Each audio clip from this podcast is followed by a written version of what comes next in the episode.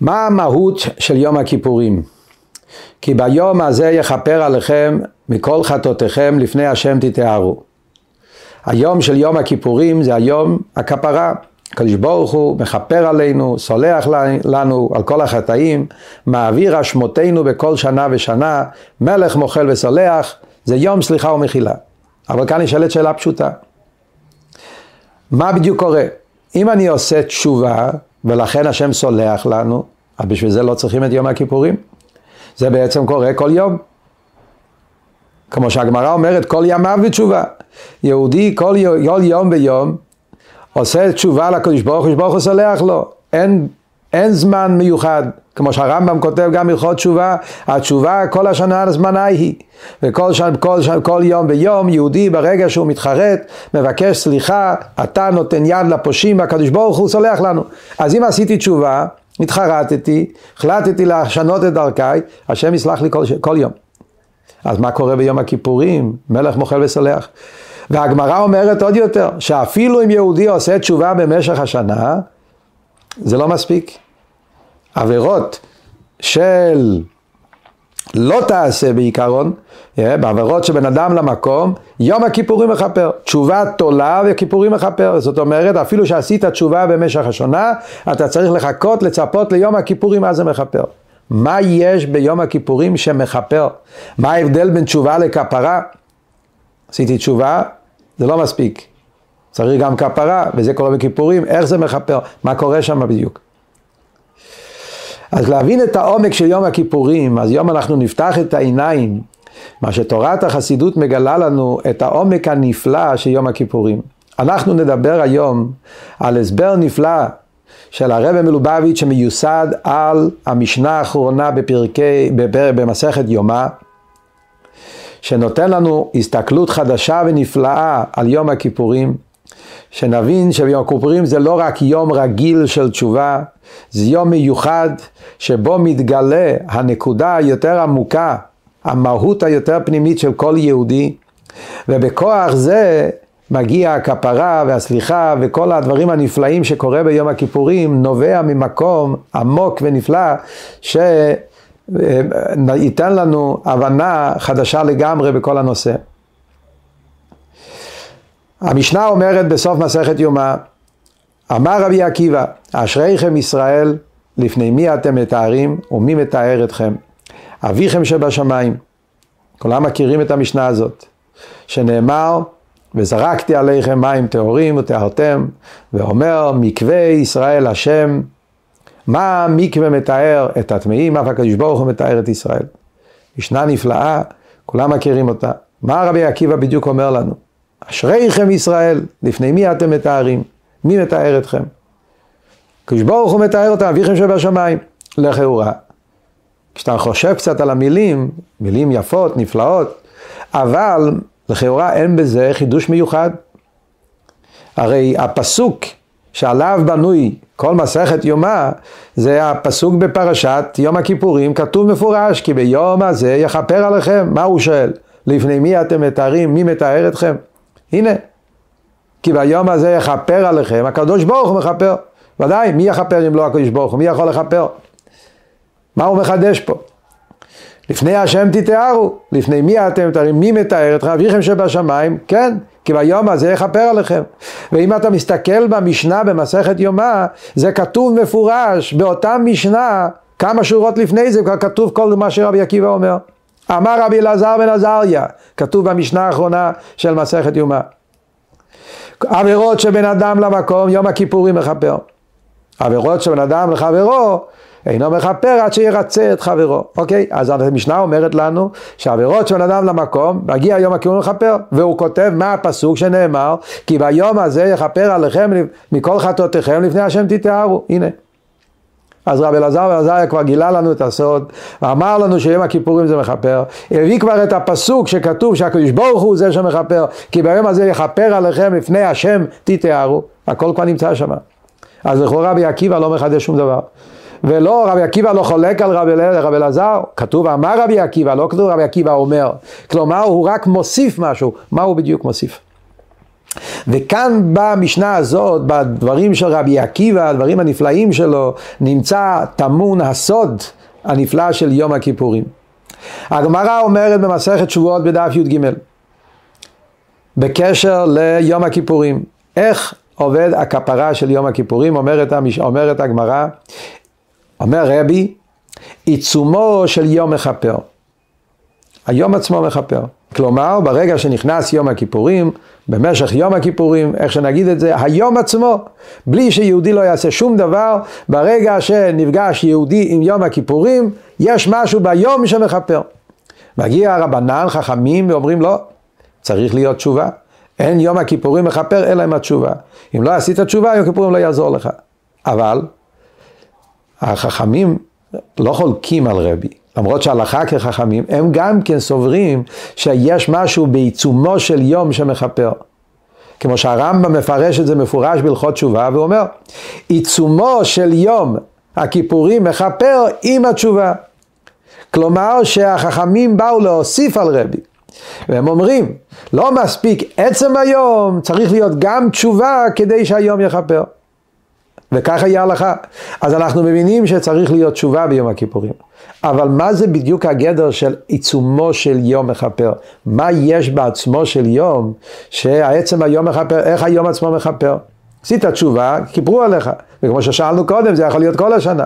אומרים לא, צריך להיות תשובה, אבל יש משהו ביום של יום הכיפורים, עצם היום פועל כפרה. איזה סוג כפרה זה פועל? מה יש ביום הזה שאין ביום אחר בשנה? מה ההגדרה של עיצומו של יום? אז רבי עקיבא, רבי עקיבא התנא, שיש לו קשר עם יום הכיפורים, כולנו יודעים רבי עקיבא הרי עשרה הרוגי מלכות שלפי המדרשים הוא נהרג ביום הכיפורים או בערב יום הכיפורים אז רבי עקיבא הוא זה שבא ומגלה את העומק הנפלא של יום הכיפורים וזה טמון במילים שלו. יום הכיפורים זה יום שאז מתגלה אצל כל יהודי הנקודה הכי עמוקה של היהודי. יום הכיפורים מתעורר הניצוץ היהודי שנמצא אצל כל אחד ואחד. אנחנו רואים במציאות, כל העולם, רואים יהודים שכל השנה יכול להיות שהם לא מקיימים תורה ומצוות, הם לא באים לבית הכנסת, רואים בכל העולם התעוררות לא נורמלית שיש דבר כזה שיהודי יודע שביום הכיפורים הוא צריך להיות בבית כנסת. יום הכיפורים זה משהו שמזיז אותו. ואנחנו יודעים אלפי ועשרות סיפורים, מאות סיפורים שיש מיהודים בכל הדורות, איך שהנשמה שלה מתעוררה כשהגיע היום הקדוש של יום הכיפורים. מה קורה בדיוק ביום הכיפורים? זה היום שבו מתעורר הניצוץ העמוק היהודי שיש אצל כל אחד. התורה קוראת ליום הכיפורים אחת בשנה. כך כתוב בחומש, אחת בשנה. פשטו זה יום אחד בשנה, אבל יש פה משהו יותר עמוק. הפירוש אחת בשנה בא להגיד לנו שביום הכיפורים מתגלה האחת, החלק היותר עמוק, היותר פנימי, היחידה שבנשמה. המדרש אומר, חמישה שמות נקראו לה. הנשמה יש לה חמישה שמות. נפש, רוח, נשמה, חיה ויחידה. חמש שמות זה לא רק סתם שמות. זה אומר, זה חמש דרגות שיש בנשמה. יחידה זה החלק היותר עמוק, פנימי, זה נקרא יחידה מלשון יחיד. הקדוש ברוך הוא הוא היחיד, אחד יחיד ומיוחד, והנשמה, במקום היותר העמוק של הנשמה, קשורה עם היחידו של עולם. הקשר היותר עמוק ופנימי של יהודי עם הקדוש ברוך הוא, שאין שם שני דברים, אי אפשר לחלק ביניהם, זה היחידה שבנפש, זה מתעורר אצל כל יהודי. הגמרא במסכת מנחות מספרת שרבי, רבי יהודה הנשיא, מספר שהוא הלך לרבי אלעזר בן שמוע, ושם הוא פגש את רבי יוסף הבבלי, שהיה חביב אצל רבי אלעזר בן שמוע עד לאחת. כך כתוב הלשון בגמרא, עד לאחת. וכולם שואלים מה זה עד לאחת, יש כמה פירושים, ותוספות, אחד מהפירושים שתוספות מביא, זה עד לאחת, הוא אומר עד ליחידה, הנפש שנקרא יחידה. כלומר שהמילה אחת, אחת בשנה, מסמל את הנקודה הזאת, את היחידה שבנפש, את החלק היותר עמוק שיש אצל יהודי. בתורת החסידות הנושא מוסבר בהרחבה. חמישה השמות שיש לנשמה זה חמש דרגות. בקיצור, הנפש זה החלק שקשור עם המעשים. מחשבה, דיבור ומעשה, מה שיהודי מקיים בפועל, מה שהקדוש ברוך הוא מבקש ממנו, זה נקרא הנפש של הנפש האלוקית. מבחינת הרוח קשור כבר עם רגשות, אהבת השם, יראת השם, עבודה גם כן עם רגש, לא רק עשייה בפועל בגלל שהשם ציווה, אלא גם ממקום של רגש עם אהבה ויראה. נשמה זה העניין של ההבנה. נשמת ש"ד י' תבינם, יהודי מבין, לומד, מתעמק ומשכיל בגדולת השם, אז זה נקרא בחינת נשמה. חיה, על פי חסידות, חיה מסמל את העבודה של יהודי למעלה מטעם בדת. כשיהודי עובד את השם לא רק על פי שכל, על פי רגש, איך אני מבין ואני מרגיש, אלא יש איזו התמסרות יותר גבוהה, שהוא מוסר את הרצון שלו לקדוש ברוך הוא, ואוהב את השם למעלה מטעם בדת, למעלה מהשכל, זה נקרא בחינת חיה. כל החיים שלו זה הקדוש ברוך הוא. אבל זה נקרא בחינת רצון. יהודי רוצה לעבוד את השם. הוא לא רוצה להיות נפרד מהשם. הרצון הזה הוא רצון חזק ביותר, זה רצון שעובר את השכל למעלה מטעם ודת, אין לזה הסבר. אבל זה עניין של רצון, ככה הוא רוצה. יש אבל משהו יותר עמוק, יחידה. יחידה, אין פה שני דברים. זה לא אני רוצה, אני מרגיש, אני אוהב. לכתחילה לא מדובר פה על שני דברים. זה החלק אלוקה ממעל ממש. עצם המהות של יהודי שהוא דבר אחד עם הקדוש ברוך הוא יחידה ליחדך, כמו שאומרים בהושענות בחג הסוכות. יחידה ליחדך, היחידה שמיוחדת, מאוחדת, דבר אחד עם הקדוש ברוך הוא, שעל זה אדמו"ר הזקן אמר את הפתגם, יהודי לא רוצה ולא יכול להיות נפרד מהקדוש ברוך הוא. לא רק הוא לא רוצה, הוא לא יכול, בלתי אפשרי, כי זה אני. זה אני בעצמי, זה אין פה שני דברים בכלל. הקשר הזה, הקשר העצמותי הזה שיש ליהודי, זה מה שהתורה קוראת אחת בשנה. האחת הזאת, האחת, אחת היא יונתי, כמו שכתוב גם כן בשיר השירים. אחת היא יונתי, תמתי, מדברים על כנסת ישראל שנמשלה ליונה, שהיא רק מתחברת בן זוגה עם הקדוש ברוך הוא. אז אחת, האחת הזאת, זה הקשר המהותי שמתגלה אצל יהודי. אני שמעתי פעם מהחסיד המפורסם, רב מנדל פוטופס, מגדולי החסידים בדור האחרון, יהודי בעל מסירות נפש, שישב במאסר ובסיביר שנים ארוכות בגלל ההתעסקות שלו בהפצת תורה ויהדות ברוסיה. זכיתי להכיר אותו והוא היה מספר סיפור נפלא שהיה איתו בעצמו. סיפר שביום הכיפורים הוא היה הרבה שנים, הוא היה בסיביר, בעבודת פרח. עבודה קשה והיה מוקף שם עם כל מיני אנשים, גויים ורוצחים וכולי, אנשים שהיו בה בסיביר בגלל סיבות שונות, והוא בתור יהודי שמסר את נפשו למען היהדות, היה שם שנים שלמות. סיפר, לא היה מה לאכול, היה קור, היה רעב, לא, כל הצרות שבעולם. משפחתו הצליחו לצאת מרוסיה בשנת תש"ו, מיד אחרי מלחמת העולם השנייה, והוא ב, לא, לא הצליח לעבור את הגבול והוא נשאר שם הרבה שנים. סיפר, הגיע ראש השנה, הוא חיפש תירוצים, הסתדר באופן מסוים איך שלא ללכת לעבודה, נשאר בצריף שלו, הוא התפלל כל היום.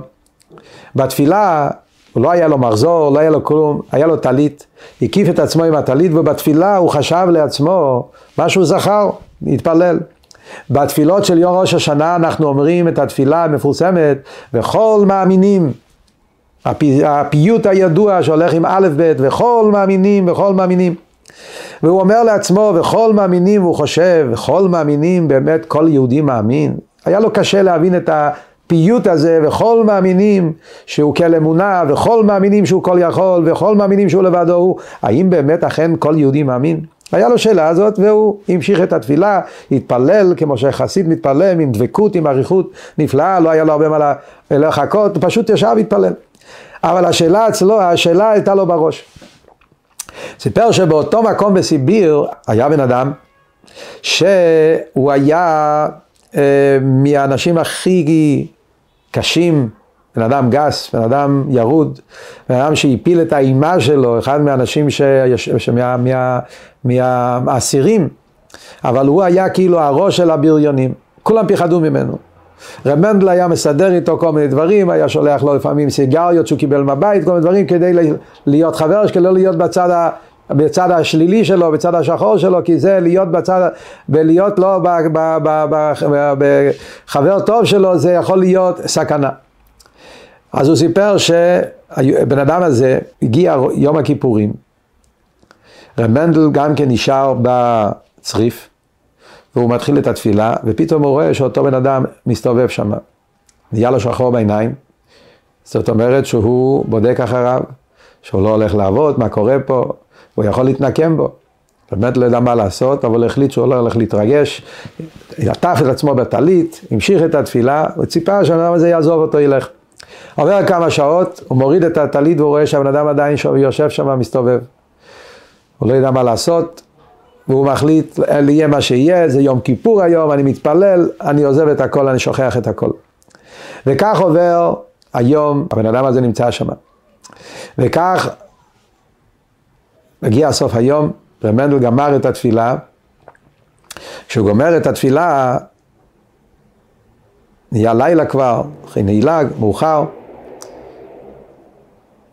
והוא מתכונן ללכת לאכול, ואז הבן אדם הזה קורא לו. קורא לו לפינה ואומר לו רוצה לדבר איתו. ומנדל היה מוכן לכל. הוא פשוט היה שם, יכול לעשות מה שהוא רוצה, יכול להרוג אותו, יכול לעשות כל מה שהוא רוצה. אבל מה הוא יגיד? לא להגיד לו לא, לא היה שייך. הוא הולך איתו ביחד לאיזה פינה, רחוק במחנה, ואז הבן אדם הזה מתחיל לבכות. בוכה כמו ילד קטן. ו... מנדל מחכה, לא יודע מה הולך להיות פה, ואז הוא אומר לו, תדע לך שאני יהודי. הדבר האחרון שרב מנדל חשב זה שהוא יהודי. ואז וואו, התגלה שהבן אדם הזה, שהיה נראה בן אדם גס, נחות, הוא יהודי. והוא מספר לו שהוא שם לב שרב מנדל נשאר היום ב, ב, ב, בתפילה, נשאר, אז הוא הבין שכנראה היום זה יום הכיפורים. ואז הוא נזכר שהוא יהודי, והוא סיפר לו שהוא ילד יתום, אז שהאבא שלו נפטר כשהוא היה תינוק, הוא גדל עם אמא שלו, הוא עזב את הכל, הסתובב ברחובות, הוא היה עם הפושעים הכי גדולים, וככה הוא, הוא ירד והוא הפך להיות לנער רחובות בצורה הכי חמורה, הכי גרועה. וככה הוא הגיע למצב עד ששם אותו במאסר, ועכשיו הוא נמצא פה בסיביר. אומר, שכחתי לגמרי מכל היהדות, אבל אני רואה את ההתנהגות שלך, וזה לאט לאט התחיל לעורר אצלי איזה ניצוץ. היום כשראיתי אותך נשאר בבית כנסת, בבית, הבנתי שזה היום של יום הכיפורים, וזה הזכיר לי שהייתי ילד, יום הכיפורים, אימא שלי הייתה אומרת לי על יום הכיפורים שזה יום מיוחד, וזכרתי את זה. ואז בא לי חשק להתפלל גם כן כמוך, אבל לא ידעתי שום דבר. ואז נזכרתי שאימא שלי הייתה אומרת איתי כל בוקר את התפילה מודה אני. הדבר היחיד בחיים שלי שזכרתי זה התפילה של מודה אני. והתחלתי להגיד את המילים. תדע לך שכל היום חזרתי על המילים, מודה אני לפניך, מלך חי וקיים, שחזרת בי נשמתי וחמלה רבה אמונתך. המילים האלה חזרתי שוב ושוב, וזה היה בשביל היום הכיפורים. מקווה שהשם יקבל את התפילה. רב מנדל שמע את המילים האלה, התרגש עד דמעות, חיבק את היהודי. ואז נוצר ביניהם קשר נפלא, לאט לאט היהודי התחיל להתקרב יותר, אבל רב מנדל קיבל שם את התשובה, את המענה, את המסר למה שהיה, שהוא שחשב לעצמו בראש השנה. שאלת, וכל מאמינים, כן, וכל מאמינים. יהודי מאמין בקדוש ברוך הוא, יכול להיות יהודי שהיה כבר בשיא החושך, שיא הלכלוך, שיא הזבל, אבל יש לו ניצוץ. ומגיע הרגע, מגיע יום הכיפורים, והניצוץ הזה נדלק ומתעורר, ואז הוא מתגלה שאף פעם בעצם הוא לא היה מלוכלך. במהותו הוא טהור, זך ונקי, מודה אני לפניך, זה היחידה שבנפש שמתגלה אצל יהודי ביום הכיפורים. זה מה שרבי עקיבא בא ואומר לנו. אמר רבי עקיבא, אשריכם ישראל, מה הוא מוסיף רבי עקיבא על רבי אלעזר בן עזריה? הוא אומר, מגיע יום הכיפורים, אומרים לנו כי ביום הזה יכפר עליכם, מה קורה ביום הכיפורים? למה מכפר עליכם? מה יש ביום הזה? הקדושה של היום מכפרת, יש משהו מיוחד ביום, קיבלנו את הלוחות ולכן השם מכפר לנו, אומר לא, אשריכם ישראל, אתה יודע מה קורה ביום הכיפורים ומה סוד הכפרה של יום הכיפורים, בגלל שמתגלה אשריכם ישראל, המהות האמיתית של יהודי, זה מה שמתגלה ביום הכיפורים, ומשם מגיע סוד הטהרה של היהודי. הסוד הטהרה של יהודי, וזה אנחנו רואים ב... בפסוק וזרקתי עליכם מים טהורים פרה אדומה. טיפה אחת של מים מתאר מטומאת מת. יכול להיות יהודי שהיה במצב של טומאת מת כל השנה המצב שלו היה במצב שהוא התרחק מהקדוש ברוך הוא בגלל החטאים הגיע למצב של מוות רוחני רחמנא ליצלן עם טיפה אחת, עם ניצוץ אחד של תשובה שמתעורר אצל יהודי ביום הכיפורים, מתעורר הנקודת היהדות, העצם הניצוץ היהודי, פינטה לאיד שמתעורר אצל יהודי ביום הכיפורים, ואז מתגלה שהיהודי בעצם אף פעם הוא לא היה רחוק. כל ההתנהגות שלו במשך השנה זה לא הוא, זה לכלוך חיצוני שהיה מבחוץ, זה בכלל לא המהות שלו. וזה בעצם סוד הכפרה של יום הכיפורים. זה לא הפירוש כמו שאנשים חושבים שביום הכיפורים הקדוש ברוך הוא אומר אתה יודע מה אני סולח לך. אמרנו נסגור עיניים הכל בסדר כאילו לא תקבל עונש. לא מדברים פה על עונש. לכפר על עונש זה אפשר כל השנה. יהודי עושה תשובה, הקדוש ברוך הוא מכפר עליך, מוחל לך ולא מעניש. כאן מדובר על משהו יותר עמוק. כאן זה לא רק שאין עונש. כאן זה כפרה, כמו שהאדמו"ר הזקן אומר בתניא, כפרה מלשון וכיפר את הבית, לנקות. זה יום שמנקה, יום שהקדוש ברוך הוא מנקה אותנו לגמרי, רוחץ אותנו, לא נשאר שום זכר, לא נשאר שום ניצוץ מהחטא. ולא רק שהוא מנקה, אלא עוד יותר, שהזדונות נהפכים לזכיות. לא רק שמנקים את הזדונות, אלא הזדונות נהפכים לזכיות. מה הסוד? איך זה שביום הכיפורים פועלים שגם הזדונות נהפכים לזכויות? אומרת הגמרא בהמשך במסכת יומא בדף פ"ו העושה תשובה מהירה זדונות נעשים לו כשגגות הוא מפחד מהעונש, מפחד מהשנה, רוצה שנה טובה או לא רוצה לקבל טוב, אז זה נקרא יראת העונש. העושה תשובה מאהבה, זדונות נעשים לו כזכויות. ביום הכיפורים התשובה של יהודי זה תשובה מאהבה. כי ביום הכיפורים מתעוררת האהבה המהותית, האהבה העצמית, האהבה הזאת שיהודי אוהב את הקדוש ברוך הוא מצד יחידה שבנפש, הוא תמיד אהב את הקדוש ברוך הוא. גם בשעת החטא הייתה באומנה איתו, כמו שאדמו"ר הזקן אומר בתניא. היהודי תמיד אוהב את הקדוש ברוך הוא. אלא מה? התלכלך בגלל דברים שמבחוץ, זה לא הוא, זה לא המהות שלו.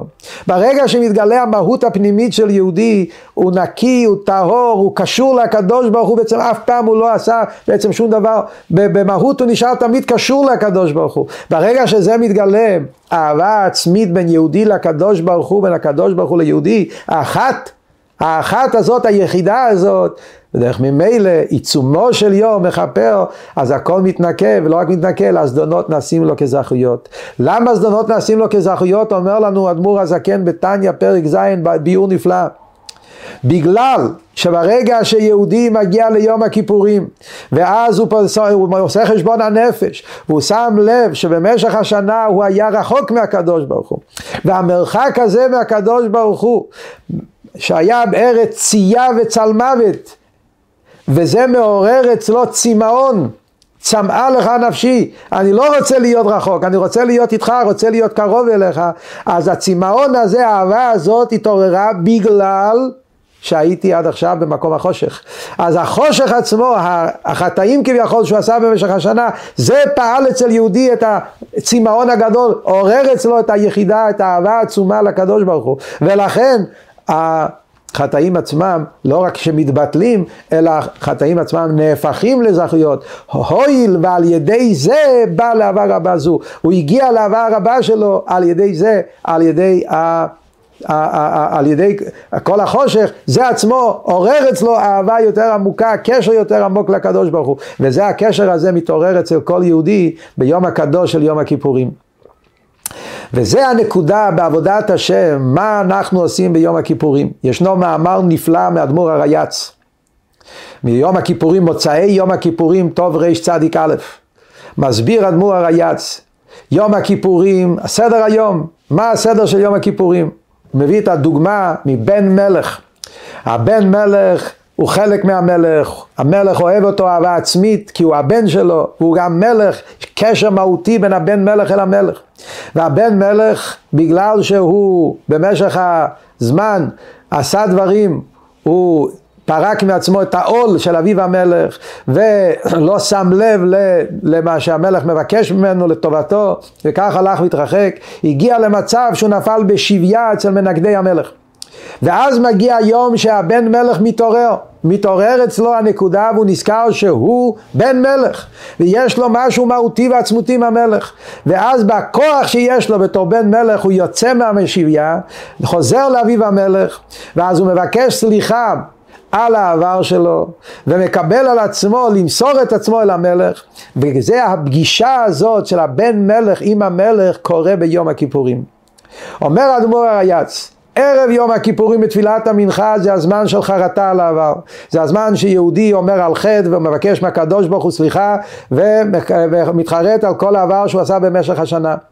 יום הכיפורים זה הזמן של קבלה על העתיד. עיקר העבודה של יום הכיפורים, למרות שאומרים על חטא, אבל עיקר הנקודה של יום הכיפורים זה בעצם לקבל על עצמנו קבלה טובה שאנחנו רוצים להיות יחד עם הקדוש ברוך הוא ולקיים את הרצון שלו. ומאהבתך השם שאהבת אותנו, כמו שאומרים בתפילה, אז הקדוש ברוך הוא קבע לנו את היום הזה, יום הקדוש, יום סליחה ומחילה. ואז הבן מלך חוזר לאביו המלך ונפגש איתו. במשך התפילות של יום הכיפורים מתחבר ומתחוזר ומתחדש הקשר הזה של יהודי לקדוש ברוך הוא עד שמגיע תפילת נעילה. תפילת הנעילה זה התפילה הכי נפלאה שבו יש את החיבור.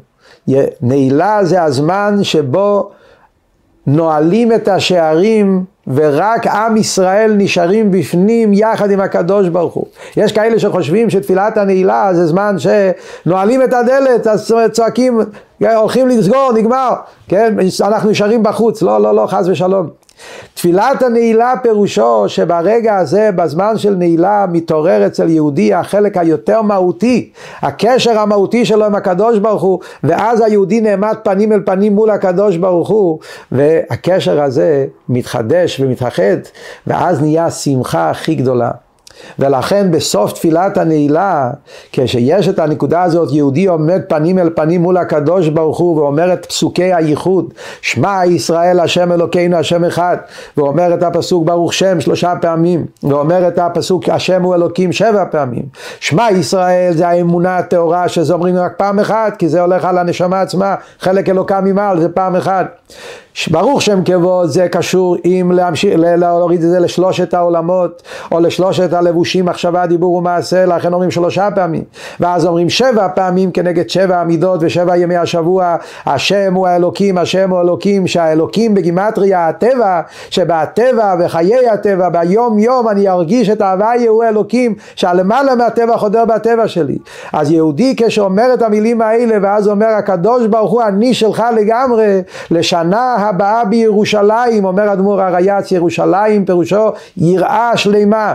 שנה הבאה לא מתכוונים שנה הבאה, שנה הבאה, שנה הבאה הכוונה עכשיו, ברגע הזה, שנה הבאה מהרגע הזה ירושלים יהיה אצלי יראת שמיים שלמה, יהיה אצלי קשר חדש שבני, שאני בונה עם הקדוש ברוך הוא, אב ובן, אז נתעוררת שמחה גדולה ועצומה, וכמו שנוהגים אצל חסידים שאחרי הנעילה, בסוף, אחרי אמירת הפסוקים, אז אה, שרים ורוקדים בשמחה גדולה ועצומה.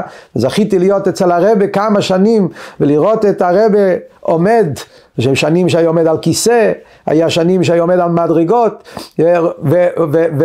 ורוקד בשמחה גדולה ביותר שיר של מרש ניצחון, השיר של הניצחון של דידן נוצח, ניצחנו את המלחמה, ואנחנו עומדים פנים אל פנים מול הקדוש ברוך הוא, אומר אדמו"ר הרייץ, השמחה הכי גדולה מתעוררת באותו רגע, אז מתחיל זמן שמחתנו, כי אז אנחנו הולכים במעבר הזה של השמחה הגדולה, שהמלך שמח, שהבן שלו חזר אליו הביתה, הבן מלך שמח שהוא חזר להתקבל ולהתאחד עם אביו, והשמחה הגדולה שהקדוש ברוך הוא לא רק סלח לנו ומחל לנו, אלא גם כן הזדונות נהפכו לזכויות, וזה השמחה הגדולה שקורה ביום הכיפורים, שהקדוש ברוך הוא ייתן לכל אחד ואחד חתימה וגמר חתימה טובה, שנה טובה ומתוקה בגשמיות ורוחניות, שהשנה הבאה עלינו לטובה תהיה באמת לשנה הבאה בירושלים הבנויה גם בגשמיות כפשוטו, שנזכה לגאולה השלמה, ותקע שופר גדול לחירותנו, במהרה בימינו אמן.